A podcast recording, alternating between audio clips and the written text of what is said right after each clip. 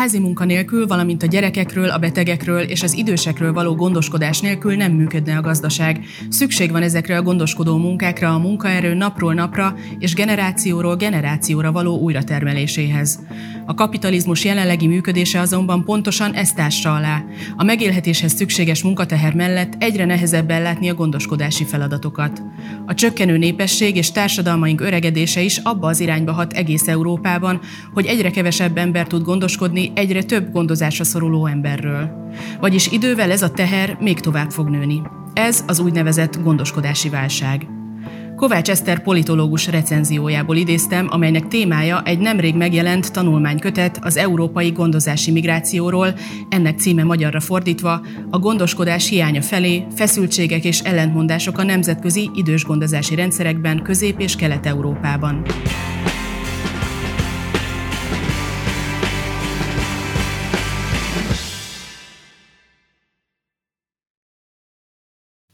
Az európai gondozási migráció, vagyis a gondoskodási munkát végzők országok közötti áramlása az osztályegyenlőtlenségek, a nemek közötti egyenlőtlenségek és a nemzetek közötti gazdasági egyenlőtlenségek metszetében helyezkedik el, és a gondozási válság megoldásában az érintett fogadó és kibocsátó államok sem vállalnak érdemi felelősséget.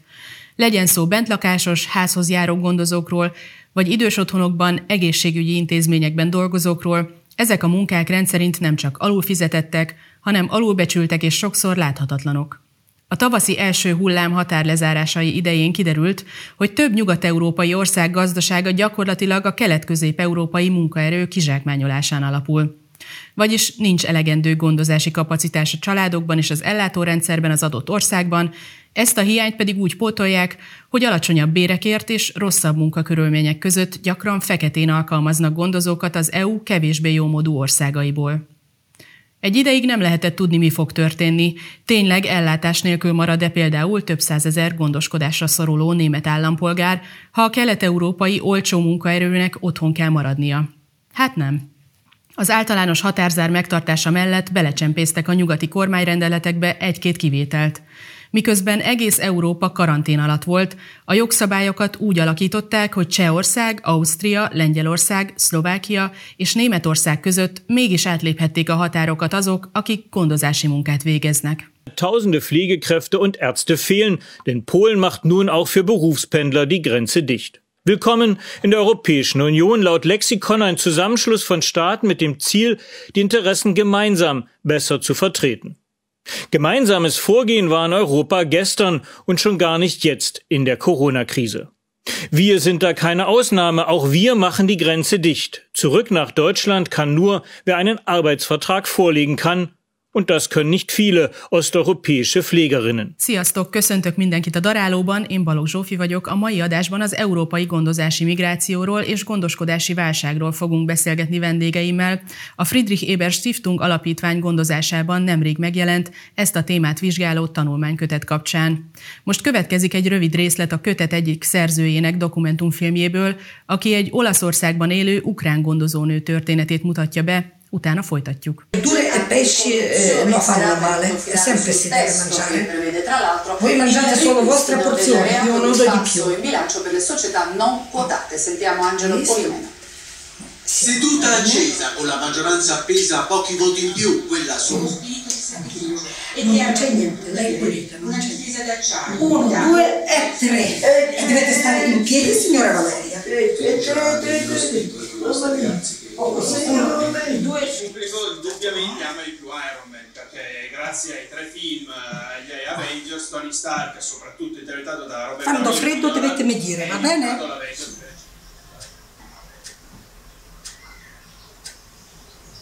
A vendégeim tehát a kötet szerkesztői Katona Noémi, a Társadalomtudományi Kutatóközpont Szociológiai Intézetének kutatója, és Meleg Attila, szociológus, a Corvinus Egyetem docense, a Népességtudományi Kutatóintézet főmunkatársa. Köszöntelek benneteket a műsorban. Az elején egy rövid áttekintést kérnék Noémi tőled arról, hogy pontosan milyen befogadó és kibocsátó országokról beszélnek ezek a tanulmányok a kötetben, milyen típusú gondozási munkákat tárgyalnak, és milyen szereplőket ebben a szektorban. Én is üdvözlök mindenkit, és köszönöm a lehetőséget. Ez a kötet alapvetően közép-kelet-európai országok szemszögéből és ezekre az országokra fókuszálva tárgyalja a kérdést. És a gondoskodási munkán belül pedig elsősorban, illetve kizárólag idős gondozással foglalkozunk, és azon belül is ez az úgynevezett ilyen living gondozási munka. Tehát amikor az idős gondozó a gondozottnak a háztartásában lakik, váltott műszakokban dolgoznak, és ilyen, tehát nem, nem az államintézményjáratásról beszélünk, hanem erről a kifejezetten privát gondoskodási munkáról.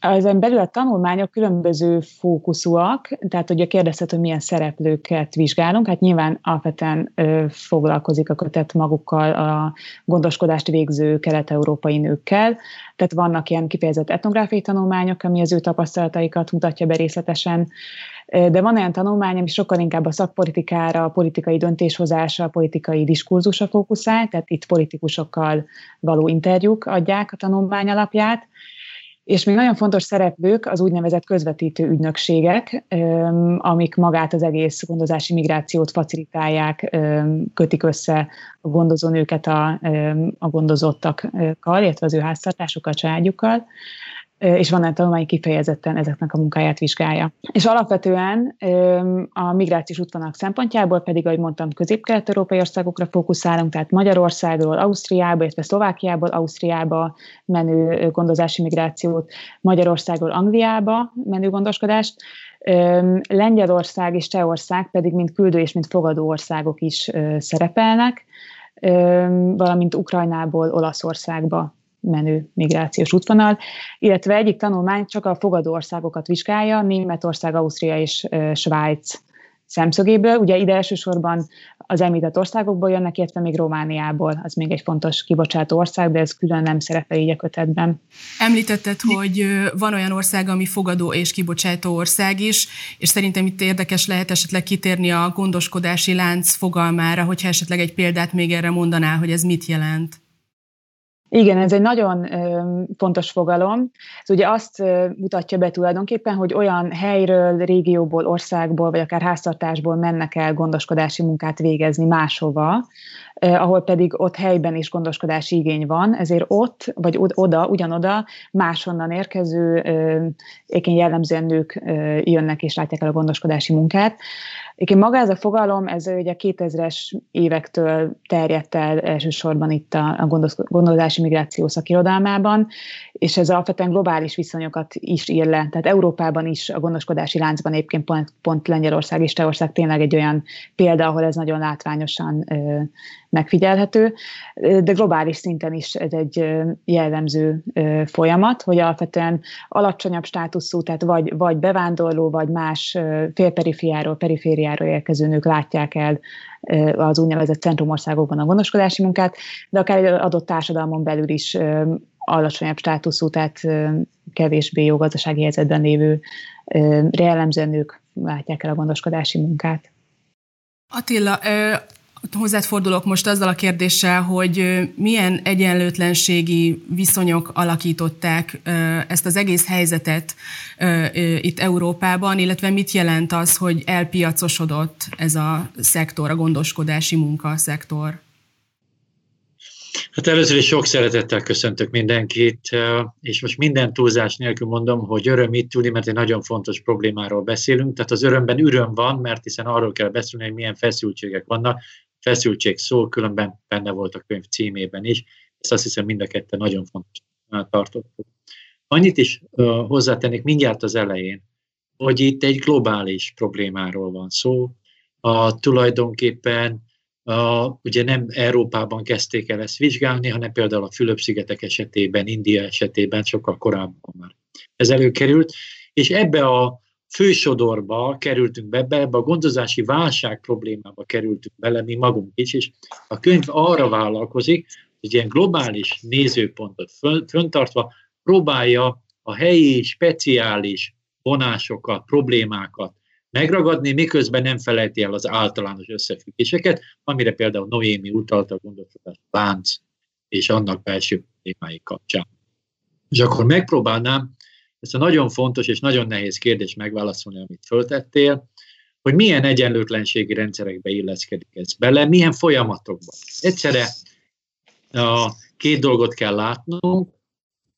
Az egyik, hogy egy nagyon sajátos történelmi pillanatban vagyunk.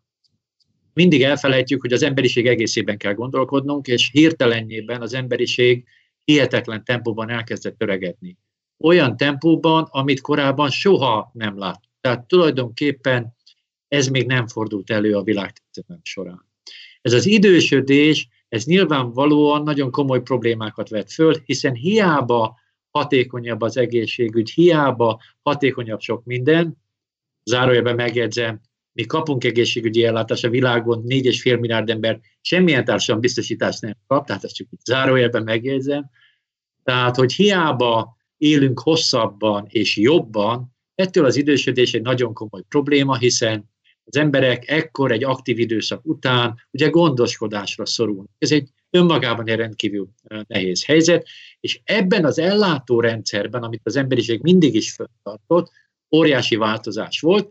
Három szereplőt szoktunk nézni, amikor ezt nézzük. Nézzük, hogy az állam mit csinál, nézzük, hogy a piac mit csinál, nézzük, hogy a háztartások és a családok mit csinál.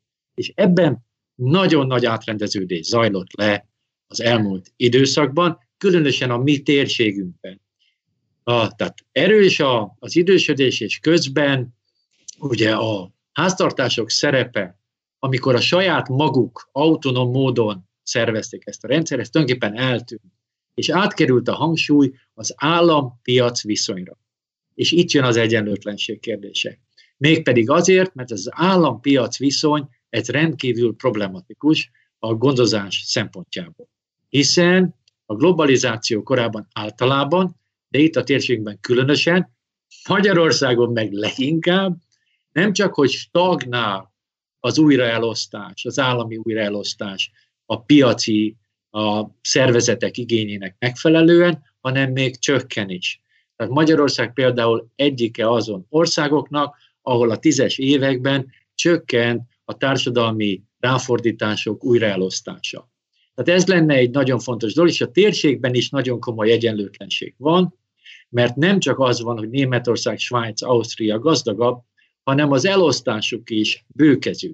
Ennek egyik eredménye, ami a piacosodás egy nagy motorja például, az osztrák rendszer, amely készpénzt uh, tolt a rendszerbe, és ezzel tulajdonképpen elkezdi hívni az idős gondozókat, mert nem államilag akarja megoldani a dolgot, hanem azt mondja, hogy a piac működéséhez teszek bele egy ilyen, hát ilyen Keynesi típusú dolgot, most bocsánat ezért a csúnya szóért, de hogy egy ilyen keresletet bővít.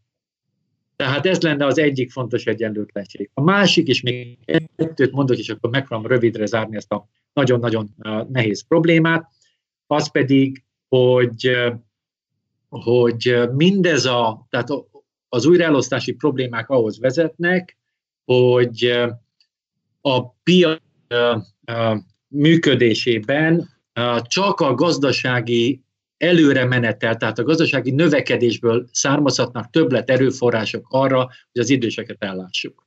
A magyarul a családoknak, a szereplőknek kell egyre többet keresni ahhoz, hogy ezeket a növekvő tereket el tudják látni. Ez pedig, mint tudjuk a szociológia kezdeteitől, a piac az az egyenlőtlenségeknek a tárháza, és nyilvánvalóan ez szétszakítja olyan csoportokra, akik meg tudják maguknak engedni, meg nem tudják megengedni maguknak. Magyarul nem csak az lesz, hogy, tehát, hogy a szegényebb családok ebből a szempontból még sokkal rosszabb helyzetnek. És a harmadik dolog, amit az egyenlőtlenség kapcsán szeretnék mondani, az nyilvánvalóan ugye a nemi egyenlőtlenség, a nemi viszonyokbeli egyenlőtlenség. Itt arról van szó, hogy általában szinte kizárólag nőket alkalmaznak ugye úgy, hogy elvonják a családuktól, nem kapják meg annak az árát sem. Mindig azt mondják, hogy ez egy jó dolog, hiszen többet keresnek. De ha ezt én visszaosztom arra, hogy ő távol kell, hogy legyen, és hogy ténylegesen mennyi munkaidőt tölt el, akkor ez bizony elég sovány kereset, amit megkeresek, arról nem beszélve, hogy a gyerekeit, a beteg férjét, az apósát, stb. hagyja maga mögött, és erre semmilyen keres, keretet nem kap. Azon túlmenően ugye testében, személyében, a megalázott helyzetekbe tud kerülni. Gyönyörű antropológiai szöveg van, mindenkinek ajánlom, hogy olvassák el. a Olena Fegyuktól, aki nagyon szépen elmondja, hogy ez a testi kontaktus milyen hihetetlen egyenlőtlenséget rejt magában, és csak még egyet teszek hozzá, amit én magam is ugye több interjúban láttam, hogy ezek az emberek, ezek a gondozók általában nem fiatalok. Ezek már középkorú, sőt késő középkorú nők, akik néha gerincbántalmakkal emelgetik ezeket a nagyon beteg testeket, ezeket a súlyokat, és viselik el azt a megaláztatást, ami abból következett, hogy be kellett költözniük. És bocsánat, egy kicsit hosszabban próbáltam elmondani, de én azt hiszem, hogy ez volt az a perspektíva, amit itt mindenkit mozgatott ebben a dologban. Igen, nagyon jó, hogy beszéltél a realitásáról ennek a munkának, és itt behoznék egy idézetet Milánkovics Kingától, aki az egyik esettanulmánynak is a szerzője, az angol és magyar gondozási szektort is vizsgálja, ő maga is idős gondozó. Az otthoni idős gondozás helyzete Magyarországon című 2020 februári cikkéből idézek most egy részt. A jogi környezet egyáltalán nem teszi lehetővé a legális munkavégzést, az otthoni idős gondozási szektor gyakorlatilag a fekete gazdaság gazdaság keretei közé van kényszerítve. Ebből az következik, hogy sem az ápolók, sem az idősek, sem a családtagok nem élveznek semmilyen jogi védelmet, nincs minőségbiztosítás, nincsenek támogató struktúrák. Az otthonok mélyére bezárt öregek, családok és ápolók egymástól való függése és a hatalmi viszonyok miatt ez a tér, a visszaélések, az abúzus, a lopás, a kizsákmányolás melegágya. Tehát hozzátartozik az is, hogy nagyon-nagyon kiszolgáltatott helyzetben is lehetnek ezek a dolgozók, és vannak, és Magyarországon, de európai szinten sem foglalkoznak a politikai szereplők, úgy látszik érdemben azzal, hogy szabályozzák, illetve ezt a kiszolgáltatottságot csökkentsék a dolgozók számára. Ti mit láttok, illetve a kötetben mi az, amit végigvesztek arról, hogy a politikai szereplők államközi szinten esetleg mit tudnak tenni, illetve a dolgozók mit szeretnének látni? Én kezdeném azzal, hogy a Kingának ez a tanulmánya, ez, ez nagyon-nagyon fontos a kötetben. Tényleg ebből a szempontból, hogy ő, mint maga gondozó, szól hozzá és, és mondja el, hogy, hogy ő miket lát. Tehát hogy milyen struktúrákat, miket ér, érez támogatónak, mi az, ami neki fontos, mi az, ami nehézség. Mondja ezt részben a saját tapasztalattal, részben pedig a, annak a számtalan gondozónőnek a tapasztalata alapján, akikkel ő kapcsolatban van. Én azt kicsit árnyalnám ezt, hogy, hogy nem foglalkoznak vele politikailag. Ez a kötetben is ennél árnyaltabban jelenik meg, mert ugyan mondjuk például lengyel tanulmány, vagy Lengyelországról szóló tanulmány foglalkozik kifejezetten a politikai diskurzussal a téma körül, és ott nagyon erős az az állítás, hogy egyszerűen azért nem foglalkoznak vele döntéshozó politikusok, mert nem áll érdekükben. Ennek sokféle háttere van, most nem fogom a teljes tanulmányt felmondani, de ennek nyilván van egy olyan, tehát hogy alapvető szükség lenne arra, hogy itt bármi nagyobb változás történjen, hogy egyszerűen több pénzt rakni a rendszerben, pont az, azt az újraelosztást, amit Attila felvezetett, hogy mennyire egyenlőtlen, mennyire nem elég az, amit az állam belerak a szociális és az egészségügyi rendszerbe, tehát alapvetően ezen kéne jelentősen változtatni ahhoz, hogy, hogy itt politikai, vagy hogy, hogy, hogy változás legyen és jobb legyen a gondozóknak. Most ez, ami így nem áll egyszerűen a politikusok érdekében ennél bonyolultabb a tanulmány, viszont ezzel szemben például ez a az Ausztriával, Németországgal és Svájccal foglalkozó tanulmány kitér arra, hogy ezekben az országokban milyen politikai diskurzus van, és itt ugye ez kifejezetten tematizálva volt ez a téma, Ausztriában és Svájcban is, Ausztriában 2007-ben, Svájcban 2010-es években lett is új jogszabály, épp azért, mert erőteljes lobby tevékenység folyt a témában, viszont itt nagyon fontos ez, hogy kik lobbiznak, kiknek az érdekei jelenik meg, és mi alapján van itt bármilyen változás. Itt, ami Ausztriában mindenképp egy előny lett, ugye Attila már elmondta röviden a kritikáját is ennek a rendszernek, de az mindenképp egy előny, hogy, hogy egyszerűen legalizálták jobban ezt a szektort. Tehát sokkal többen gondolkoznak legális körülmények, dolgoznak legális körülmények között. Ami emiatt is fontos, mint ami Kinga idézetéből játszik, hogy egyszerűen fizetnek társadalombiztosítást, tehát lesz nyugdíjuk, van egy jogi keretük, képviseltik a jogaikat, van egy, igen, van egy jogi, jogi hátterük, és amíg ez nincs, addig, addig egyszerűen semmilyen módon nem félnek hozzá, nincs, nincs semmilyen, semmilyen támogatásuk. Ami viszont ezzel, és ezzel együtt, és ez, amit az na, Ausztriáról szóló tanulmány ki is emel, hogy ez ugyan, ettől még ez valójában az ilyen nagyon prekáris, vagy prekár munkakörülményeken nem változtatott maga ez a jogi kifehérítés. Tehát ettől még maguk a bérek nem lettek magasabbak, nem lettek jobbak ugye a munkakörülmények, de egyszerűen van egy, van egy, van egy legális keret. És ami szintén a Kinga tanulmányában nagyon fontos, hogy, hogy maga az érdekképviselet a legfontosabb eszköze annak, hogy maguk az érintettek tudjanak üzdeni azért, hogy, hogy politikai, olyan politikai változást legyen, ami az ő számukra hasznos, ami nekik jó. Ugye Kinga azt írja le, hogy, hogy ő Angliában igazából ilyen önfoglalkoztatott, tehát ilyen self-employed státuszban dolgozik, de ő ennek ellenére a szakszervezeti tag, és ugye a szakszervezetek az alapvető intézményesült formái az érdeképviseletnek, tehát ez is, ez is Emiatt is alapvetően fontos a, a legális körülmények között való dolgozás, hogy lehessen intézményesült formában érdekeket képviselni. Tehát az, ami alapvetően érdeként megjelenik, az nyilván legális munkavégzése mellett abszolút a magasabb bérek és a biztonságosabb munkakörülmények, és ez, amit Kinga mondjuk például szintén kiemel, hogy olyan ügynökségekkel dolgozik, tehát az, hogy számára az, hogy van olyan ügynökség, ami mellett ő rendes béreket kap, az egy lehetőség arra, hogy nem egy ennyire zárt rendszerbe van, tehát nem közvetlenül a fogadó család az ő munkaadója, ahol, hanem van egy külső szereplő, aki pont mondjuk a visszaéléseket, a bármilyen szintű ö, határok átágását ö, tudja úgymond kontrollálni, vagy aki ezt tud fordulni, ha ez előfordulna. És most ezeken túl, amik itt most így elmondtam, ami erről szól, hogy mondjuk ugyanebben a keretrendszerben, tehát hogyha nem változik maga ez az egész rendszer, a piaci rendszer, hogy hogyan működik az idős gondozás, ezen belül miket lehetne jobban, jobban elérni, ezek most erre vonatkozott, amiket így most röviden elmondtam.